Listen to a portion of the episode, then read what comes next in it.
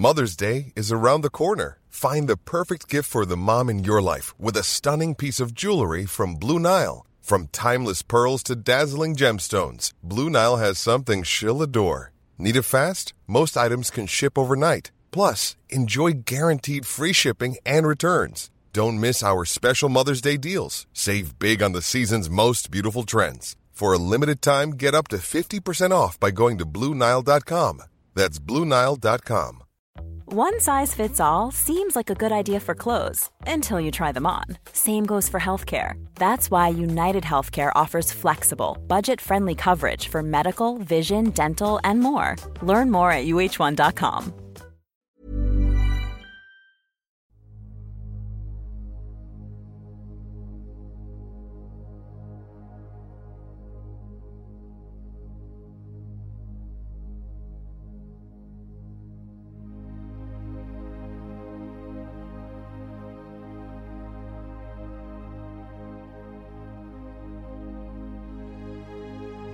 Ljus eller mörker gäller människor i den fysiska dimensionen och varelser i alla andra dimensioner.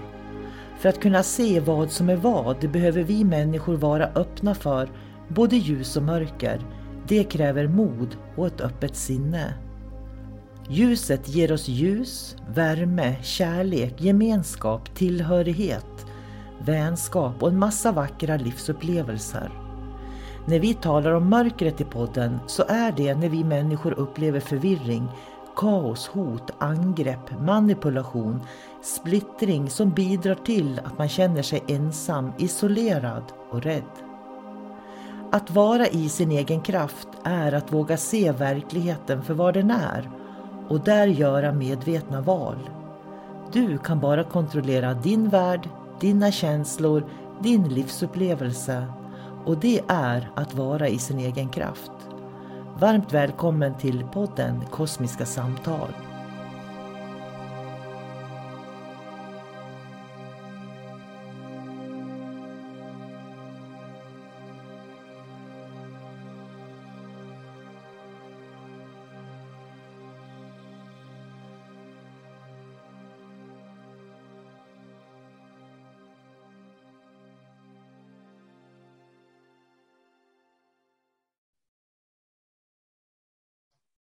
Hej och eh, varmt välkommen till Kosmiska samtal.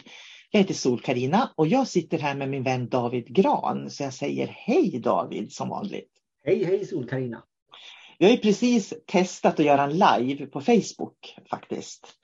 Eh, där vi har pratat om fantasi, gränser, alternativa världar. Eh, meningen var att vi skulle ha spelat in det och det var lite synd att vi inte hann det tycker jag. För att det blev ju 30 minuter och jag tror att det varit relativt bra faktiskt. Eh, eller intressant, det är alltid intressant därför att när jag pratar med dig vet jag aldrig var det tar vägen. Det är det som gör det intressant. Men jag ska säga det att det ligger på min Youtube-kanal. Ska jag se om jag kan lägga upp det där då. Eh, så kan man titta på den sändningen i efterhand, tänker jag. Men hur är läget med dig? Du är ju pappaledig. Det var så kul när vi kopplade upp oss på Facebook, eller ja, på Zoom nu. Eh, och du kommenterade att du är pappaledig. ja, det, det, blir ju så att eh, jag har varit hemma ett halvår nu, mm. eh, pappaledig. Och jag insåg nu när jag tittar på, på mig själv på Zoom-skärmen här att eh, jag ser ut som en skeppsbruten man, som Robinson Crusoe. Jag har långt skägg och så är jag långhårig. Och man har helt enkelt inte haft tid med, med sig själv eftersom man har haft eh, ja, med barnet i centrum då, mm. i ett halvårs tid. Jag kan bekräfta att han ser ut som Robinson Crusoe, faktiskt. Så det ska bli spännande att se. Jag är ju så van att se dig så här eftersom du har varit lite eh, långhårig det senaste halvåret då, eller ja, må några månader. Så det blir spännande att se den dagen du klipper dig, vad som händer då. Ja, då blir jag en ny person. Ja, eller hur? Men du, ja, eh, jag gillar dig. Eh, som Robinson Crusoe eller som David, det spelar ingen roll faktiskt. Vi, eh, vad skulle vi prata om idag? Vi pratade om det här med att sätta rimliga gränser på sig själv eller rimliga förväntningar på sig själv. Mm, så var det. Ja, och jag, jag kan börja där för eh, jag, för det första så har jag delat med mig, jag har gått igenom en bröst, bröstcancerbehandling under året. Eh, så jag har ju gjort en podd om det som många har hört av sig till mig. De tyckte den var väldigt fin att lyssna på. Då. Hur det var att få den här diagnosen och du vet alla tankar, kommer jag dö? Hur farligt är det? Och det ena med det andra. Men det är inte bara det utan eh, nu, nu ger jag lite bakgrund till ämnet då som vi ska prata om. Då. Eh, jag har ju också astma, haft astma och allergier, väldigt svåra allergier sedan jag var barn. Så att jag är ju verkligen hade jag varit född på medeltiden, då hade jag varit död för länge sedan, brukar jag säga. Så. Men häromdagen så fick jag en sån här um, aha-upplevelse om mig själv. Därför att jag pratade med dig om att jag skulle egentligen ha varit i Japan i år, i april, och varit med och fira 100-årsjubileumet för Usuido, grundaren av Reiki. Och jag har ju liksom bokat allting, hade gjort och jag hade bokat också så jag skulle följa med då till, till Usuis födelsestad och, och jag skulle eh, klättra upp för Mont Kuarama till den här platsen där Reiki föddes och ja, du vet, hela den där äventyrsresan. Eh, vilket jag inte kunde göra då eftersom min hälsa eh, inte har varit bra. Men häromdagen då så fick jag en sån här aha-upplevelse. och Det var det som vi ska prata om. Och det är det här med att sätta rimliga förväntningar på vad man klarar av. Därför att jag har någonstans alltid sett mig själv som urstark, jag kan göra vad som helst. Och sen nu då, eftersom jag har varit väldigt sängliggandes i ett år, så inser jag ju nu då när jag ska återfå så mycket hälsa som möjligt, att eh, jag kommer aldrig att bli som jag var när jag var 40 år eller när jag var yngre Eh, jag kanske aldrig kommer att få den hälsa jag tror eller trodde jag skulle få. Eh, och då kommer man ju istället till en annan punkt i livet, tänker jag. Eh, och det är ju det här med att ha realistiska förväntningar på sig själv.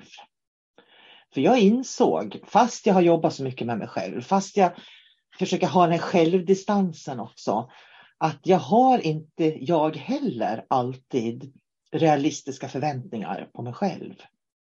Så det eh, tänkte jag faktiskt vi skulle prata om idag då.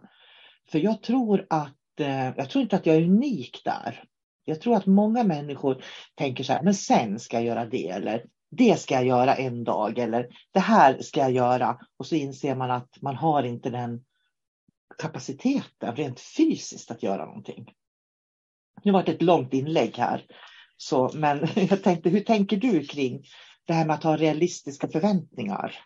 Eh, jag tänker att för det första är det alltid bra att göra sådana här utvärderingar ganska mm. kontinuerligt mm. och känna in liksom, eh, om vi nu pratar om den fysiska kroppen. Mm. Liksom, min erfarenhet är att om man lever i nuet och liksom känner in dagsformen, liksom, hur fungerar min kropp? Eh, vad, vad, kan jag göra eh, för att den ska må bra? Då lär man sig också vad man inte ska göra för att kroppen kommer må dåligt också. Och redan då så börjar det palla bort saker och ting. Liksom, ja, men, eh, om jag har reumatisk verk, då kanske jag inte ska fantisera om att jag ska eh, inte vet jag, springa ett maraton till exempel. För det är inte rimligt. Även om jag är maratonfantast. Så då kan jag liksom, eh, ja men bra, då stryker jag det ur min att göra-lista. Och då har jag ju friställt massor med tid och energi som jag kan lägga på något annat. Så då får man hitta någon annan prioritering. Vad, vad är det faktiskt också som jag brinner för, som jag vill göra? Ja, jag kan göra det här istället. Eh, och då betyder det liksom bara att ja, men jag anpassar mig efter kroppen och jag förlorar egentligen ingenting. Jag har anpassat mig till den här verkligheten och jag kan lägga den här tiden istället för att drömma om ett maraton som jag aldrig kommer att göra så kanske jag vill eh, lägga min tid på någon annan självutvecklande kurs eller det kan vara eh, ja, men kanske man vill gå reiki, det är kanske är en dröm, eller att man kanske, ja men högsta önskan är att få fara till Amerika, men far till Amerika då. Så att på något sätt så gör man om sin prioriteringsordning. Ja, och jag tror att det är viktigt att man gör det också med jämna mellanrum. Lite grann, det är lite som att man tar en liten check på status. För jag menar, det finns ju mycket som är roligt. Herregud, om, om, om jag kunde göra allting som jag tycker är roligt, då, det finns ju hur mycket som helst som är roligt, men det är inte alltid som det är realistiskt egentligen. Och vi behöver göra val också, tänker jag. Ja, så är det ju definitivt. För, för jag, har ju, jag är en sån att jag gör ju väldigt mycket här hemma. Mm. Så jag, jag, varje dag så står ju jag inför val. Vad ska jag göra idag? Eh, och jag måste alltid prioritera. Jag vaknar aldrig på morgonen och säger åh, jag har så tråkigt, vad ska jag göra? Utan jag har liksom 15 saker jag ska göra och jag, jag kanske hinner tre stycken. Och då är det hela tiden, då pratar man med familjen, eh, hur man ska få loss tid och vad är det som är viktigast av de där 15 sakerna som vi ska göra idag. Och då tvingas man ju sätta saker och ting åt sidan, även sånt som jag skulle tycka var jätteroligt för stunden. Eh, och någonstans är vi där också, för jag kanske har nämnt det på någon podd, men jag har ju också i grund och botten eh, en reumatisk sjukdom mm. som jag har lärt mig att hantera väldigt bra. Jag brukar säga att jag mår ju bättre nu än vad jag gjorde för 20 år sedan. Mm. Eh, men det innebär ju också att anledningen varför jag mår bättre idag, det är för att jag har lärt känna min kropp. Mm. Jag vet ju att eh, om jag skulle till exempel fara ut och springa och, eller göra monoton, monotoma rörelser, stö, stötiga rörelser, då får jag inflammationer. Och då kan jag vara sjuk kanske i en, en, två månader och inte kan göra någonting. Men bara det i och med att jag vet att okej, okay, eh, fysisk ansträngning är inte fel, men jag måste göra det på ett kontrollerat sätt. Eh, då kan jag hantera min sjukdom. Mm. Och det finns massor av saker som jag inte kan göra. Men jag är inte ledsen för det egentligen, utan jag är mer glad för att jag får vara frisk än att jag får göra, eh, fara ut och springa till exempel. Mm. Så jag saknar ju inte att springa eller göra de där sakerna, utan jag gläds mer åt att min kropp är frisk. Mm. Ja, det är spännande det där hur, hur eh, viktigt det är att ha realistiska förväntningar på sig själv. För att det har ju inte bara att göra med, tänker jag, med våra kroppar och om de är friska eller sjuka till exempel. Eller att vi, vi för vi kan ju drabbas av saker som jag gjorde. Liksom, jag drabbades av någonting som man inte kunde se komma. Liksom. Mm. Och det kan alla göra. Det är, ingen vet ju liksom när man gör det. Men jag tänker det här också att människor har man det är så lätt att bygga upp en bild av hur man vill leva och det ska man ju göra. Tänker jag. Man ska ju ha en bild och man ska ju veta hur man vill leva naturligtvis. Det ska inte vara så att man fladdrar omkring som ett frö i vinden och inte vet vart man är på väg. Men ändå att, att titta liksom, vad, hur vill jag leva? Och sen på något sätt också verkligen sortera allt annat i livet, inte bara det som har med, med den fysiska kroppen att göra. För jag tänker ibland, för jag scrollar ju mycket på Instagram och Facebook och är liksom där ute väldigt mycket. Eh, och det är verkligen en värld som byggs upp som på något vis jag tror att de flesta människorna inte vill ha egentligen. För ingen vill leva liksom att det ska tävlas och det ska vara på ett visst sätt. Man vill känna sig fri. Man vill liksom känna sig fri långt inuti. Och och då tänker jag så här att den här äh, känslan att få vara fri och göra egna val och kunna göra, ha realistiska förväntningar. Jag tror att många människor inte klarar det därför att de, äh, jag ska se vart jag, vad jag vill komma med det här, men jag tänker på det här med, eh, vad är det jag tänker på egentligen? Egentligen så tänker jag på hela sanningsrörelsen. det var den som kom upp i mig därför att det går ju program på tv på SVT om den här sanningsrörelsen. Och, och, jag tyckte det var så förfärligt att se de där två avsnitten. Därför att det är människor som inte vill betala skatt, de vill inte liksom vara en del av samhället, de vill stå utanför allting. Och för mig är det inte realistiskt att göra det. Eh, så det, det här med realistiska förväntningar, det är ju liksom också att man istället för hela tiden se vad jag vill ha så ska man kanske titta mer vad man kan bidra med, tänker jag. Ja, just men, men det är den där klassikern också att all, alla vill ju ha rättigheter, men eh, man måste ju inse att de faktiskt har skyldigheter också. Och som vanligt så sitter jag här då i 20 minuter och pladdrar och försöker beskriva någonting och du säger det en mening som vanligt. Men det är så, precis det du sa nu. Det är ju det, det är ju realistiska förväntningar. Ja, så att jag menar som du sa att eh, ingen vill betala skatt då. Eh, eller ja, en del vill ju det, men nu tas, de som inte vill betala skatt. Nej, men de vill ju säkert ha läkarvård. Eh, de vill ju säkert, till, till exempel om de får bröstcancer. så vill de ju kunna komma till en klinik som säger men vi ska ta hand om dig, du ska få eh, du ska strålas och du ska gå igenom program. Eh, men du, i sådana fall måste du betala för det.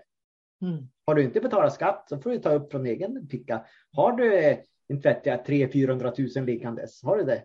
Och då ska du veta att en bröstcancerbehandling kostar en miljon ungefär. Ja, så där är det så här, nej men det har ju inte jag, nej men det var ju synd. Mm. Så att, jag menar, det handlar ju också om att det är ju långsiktigt så tar ju alla hand om varandra. Det är ju därför man betalar skatt. Och det är ja. den här medmänskligheten. Så man, må, man kan ju inte liksom bara förvänta sig att man ska få allting gratis utan att bidra med någonting. Nej, och det var väl dit jag ville komma, att ha realistiska förväntningar. Eh, man ska vara, för människor vill vara fria. Men fri blir jag ju när jag har realistiska förväntningar. Jag tror det, det är dit jag ville komma från början när vi började här. Så, och lika du pratar om, du har erfarenhet av en kropp som inte fungerar 100 procent. Jag har erfarenhet av en kropp som inte fungerar 100 procent. Då är det ju jätteviktigt att ha realistiska förväntningar för att jag ska kunna känna mig fri och inte begränsad i kroppen. Ja, det handlar ju också om hur vi identifierar oss själva. För om jag skulle pressa mig själv så hårt så att jag har konstant verk, då skulle jag skapa en identitet. When you're ready to pop the question, the last thing you want to do is second guess the ring. At BlueNile.com you can design a one-of-a-kind ring with the ease and convenience of shopping online. Choose your diamond and setting. When you find the one, you'll get it delivered right to your door. Go to Bluenile.com and use promo code LISTEN to get $50 off your purchase of $500 or more. That's code LISTEN at Bluenile.com for $50 off your purchase. Bluenile.com code LISTEN. Hey, I'm Ryan Reynolds. At Mint Mobile, we like to do the opposite of what Big Wireless does. They charge you a lot, we charge you a little. So naturally, when they announced they'd be raising their prices due to inflation, we decided to deflate our prices due to not hating you. That's right. We're cutting the price of Mint Unlimited from $30 a month to just $15 a month. Give it a try at mintmobile.com slash switch. $45 up front for three months plus taxes and fees. Promote for new customers for limited time. Unlimited more than 40 gigabytes per month. Slows. Full terms at mintmobile.com. There's never been a faster or easier way to start your weight loss journey than with PlushCare. PlushCare accepts most insurance plans and gives you online access to board-certified physicians who can prescribe FDA-approved weight loss medications like Wigovi and Zepbound for those who qualify. Take charge of your health and speak with a board-certified physician about a weight loss plan that's right for you. Get started today at plushcare.com slash weight loss. That's plushcare.com slash weight loss. plushcare.com slash weight loss. Cool fact, a crocodile can't stick out its tongue. Also, you can get health insurance for a month or just under a year in some states. United Healthcare short-term insurance plans, underwritten by Golden Rule Insurance Company, offer flexible, budget-friendly coverage for you. Learn more at uh1.com. Av att, ja, men jag är ju den där killen som alltid är sjuk och haltar och jag är ju min diagnos. Och då kommer jag alltid att vara den sjuke mannen. Mm. Men om jag hanterar min kropp eh, på ett sådant sätt som gör att jag kan leva min, mitt, min vardag utan att ha smärta, då kommer jag inte ha den identiteten. Då kan jag istället skapa en, en annan identitet. Till exempel att jag är fri. Jag kan göra vad jag vill eh, inom rimliga gränser och det är någonting helt annat. Och det med fri, jag kan göra vad jag vill. Det, det är där jag menar att människor missuppfattar saker och ting. Därför att frihet är att på något vis ett icke-ansvar. Eh, frihet att säga vad du vill, frihet att, att eh, sätta krav på samhället till exempel. Att man förväntas man ska ha en massa rättigheter hela tiden.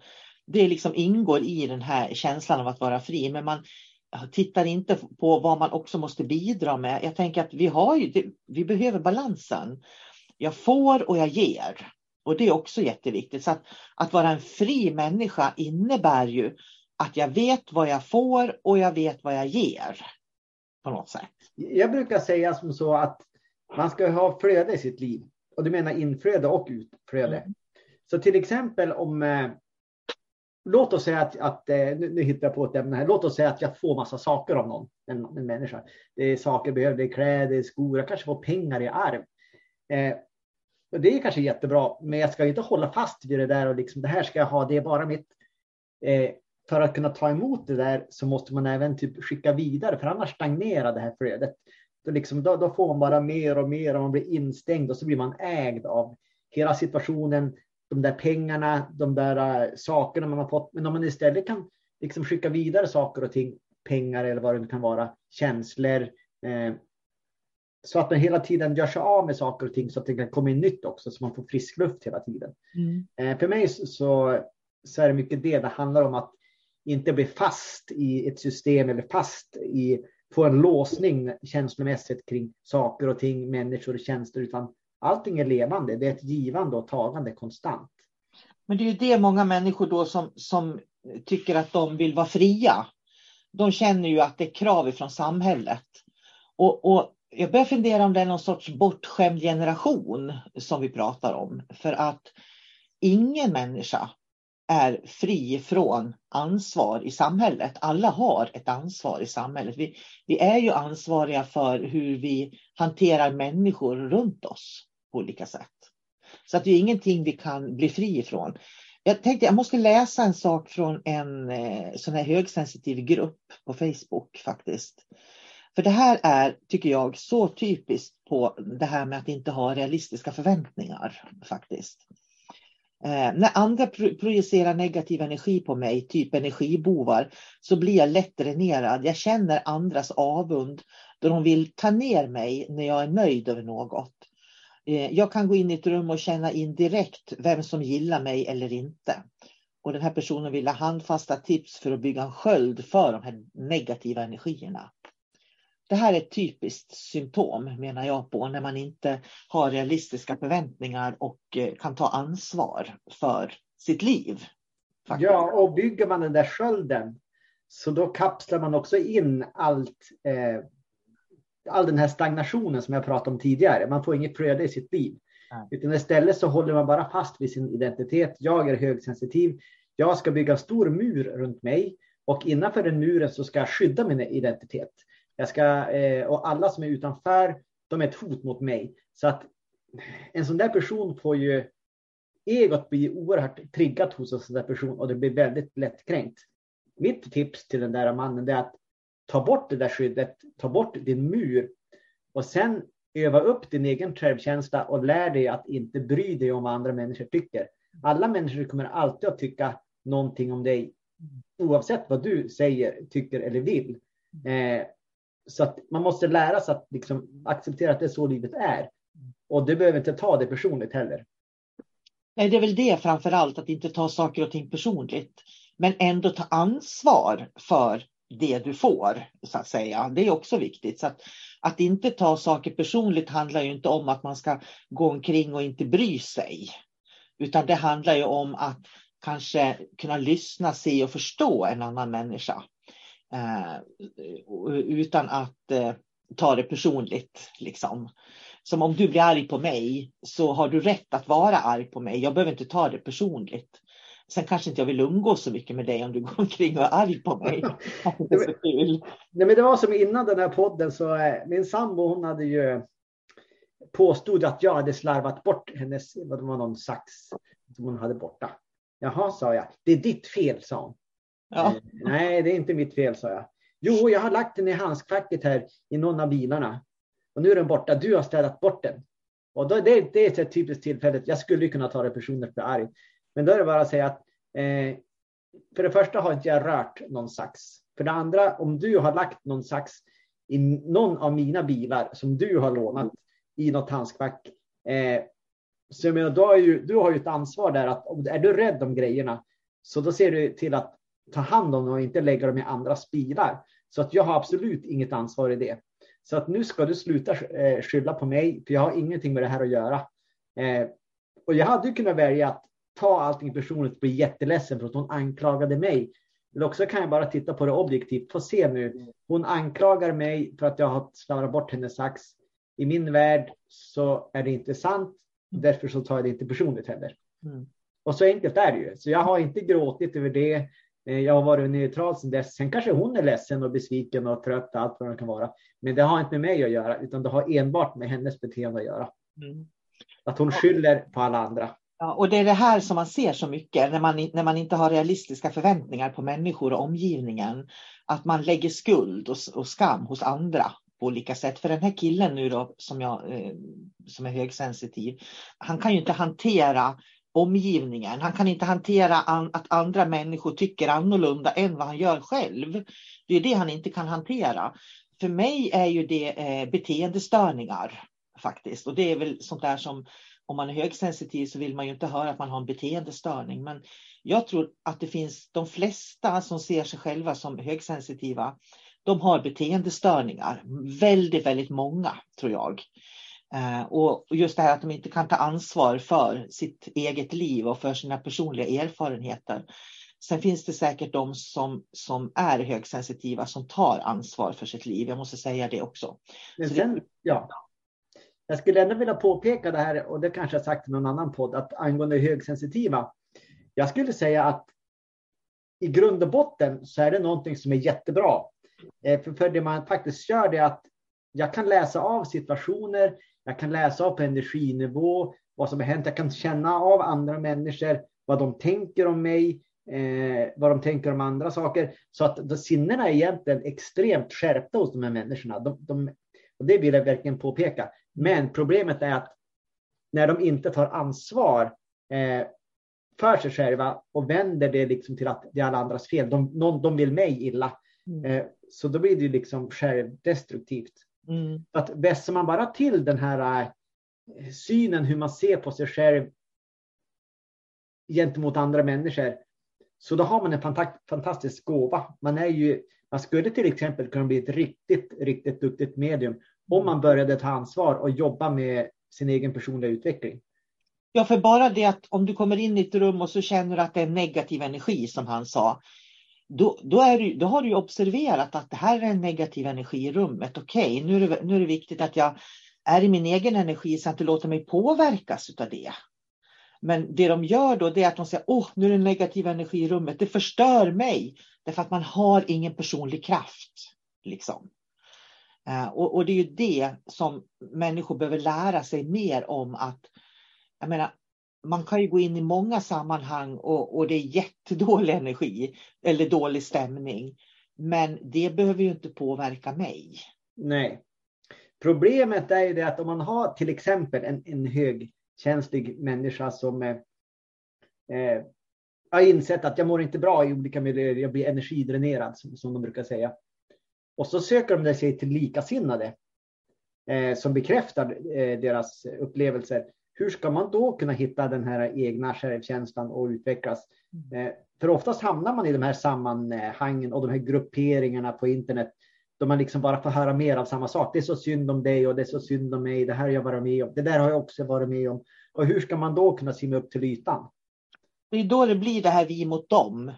Och så blir man, eh, det blir vi mot dem och så blir man liksom en grupp som är kränkta, man blir en grupp som, som inte blir sedda och man blir en grupp som liksom man, för, man tycker att samhället ska ta mer ansvar för.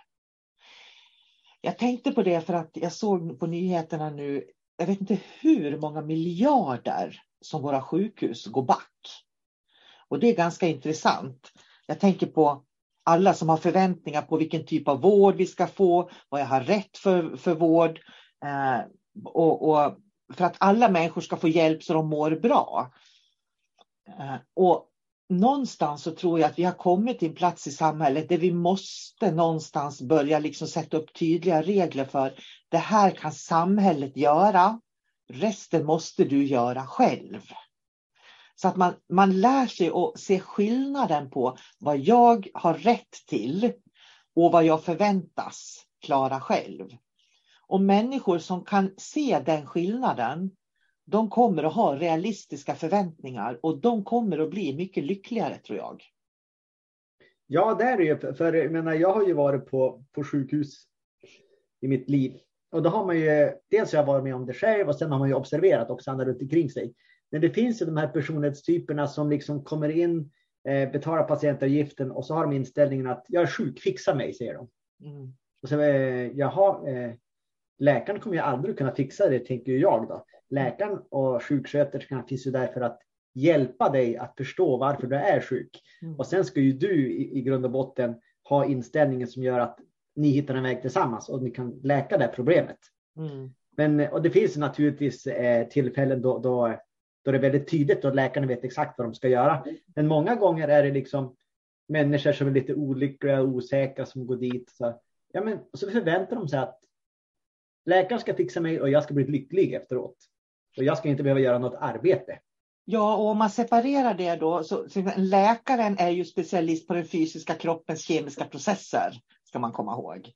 En läkare är ju, är ju inte duktig på att förstå hur du tolkar energi i rummet eller hur du tolkar känslor eller hur du tolkar din livsupplevelse. Det är ju inte det en läkare gör. Så att det där också, det kommer tillbaka till med realistiska förväntningar. Och jag tror att det är någonting man skulle behöva se över i hela samhället. För att det, det är lika om man tittar på polisen till exempel, så finns det också förväntningar på vad de ska göra i gängkriminaliteten till exempel. Eh, men vad är det som är polisens roll egentligen? Alltså det, det, så att vi lägger förväntningar överallt på människor och på yrken och fråntar oss själva ansvaret på något vis. Ja, och nu när du pratar om poliser, det har ju fram, alltså, det händer ju lite då och då att det är olika typer av, eh, jag vet inte, våldsdåd som händer och folk blir nedslagna på gatan. Och så ser man, är det någon som står och filmar det där då? De ingriper inte själva, utan man ser att de bara filmar det där. Nej, men ja, jag är ingen polis. Jag, det är inte min uppgift att göra det här. Nej, men var är din medmänsklighet då? Mm. Du kan väl träda in och liksom styra upp det där efter vilken förmåga du nu har. Men att det står tio stycken och filmar någon som blir misshandlad. Mm. Det är ju bara katastrof. Mm. Och det är också ett tecken på hur liksom, eh, människorna tappar kontakten med sig själva och medmänskligheten med alla andra också. Det är naturligtvis så har man ju ett ansvar att gripa in om man kan det. Man behöver inte bara, nej jag ska ringa 112 och så ska jag vänta. Har vi tur så överlever den här personen. Ja, men ni är tio stycken som filmar. Om ni tio går dit och stoppar den där som slåss så kommer ni att övermanna den. Så enkelt är det ju. Jag tycker det är okej att leka privatpolis om man säger ja. så. Ungefär som, för det är ungefär som på sommaren. Eh, om det kommer en ungdom och så har de köpt en glass och så det där glasspappret bara släpper de på marken. Det, då, då kommer solkarina polisen fram. För då, då säger hörru du, du tappar någonting. Lägg den i en papperskorg. Jag tror att vi ska våga, våga lite mer faktiskt vara lite småpoliser på ett vänligt sätt åt varandra, tänker jag. För om, om jag, eh, för den ungdomen då som jag kanske säger till, kommer ju kanske nästa gång att lägga pappret i papperskorgen om, jag har, om vi har tur då. Och så slipper vi liksom bli, få en miljö som är nerskräpad. Mm. Så att liksom där, ja, vilka förväntningar kan man ha? Det här med realistiska förväntningar, det var ett ord som jag fastnade för idag, verkligen. Och vi ska, vi ska runda av podden nu. Eh, och jag vill bara liksom runda av med realistiska förväntningar.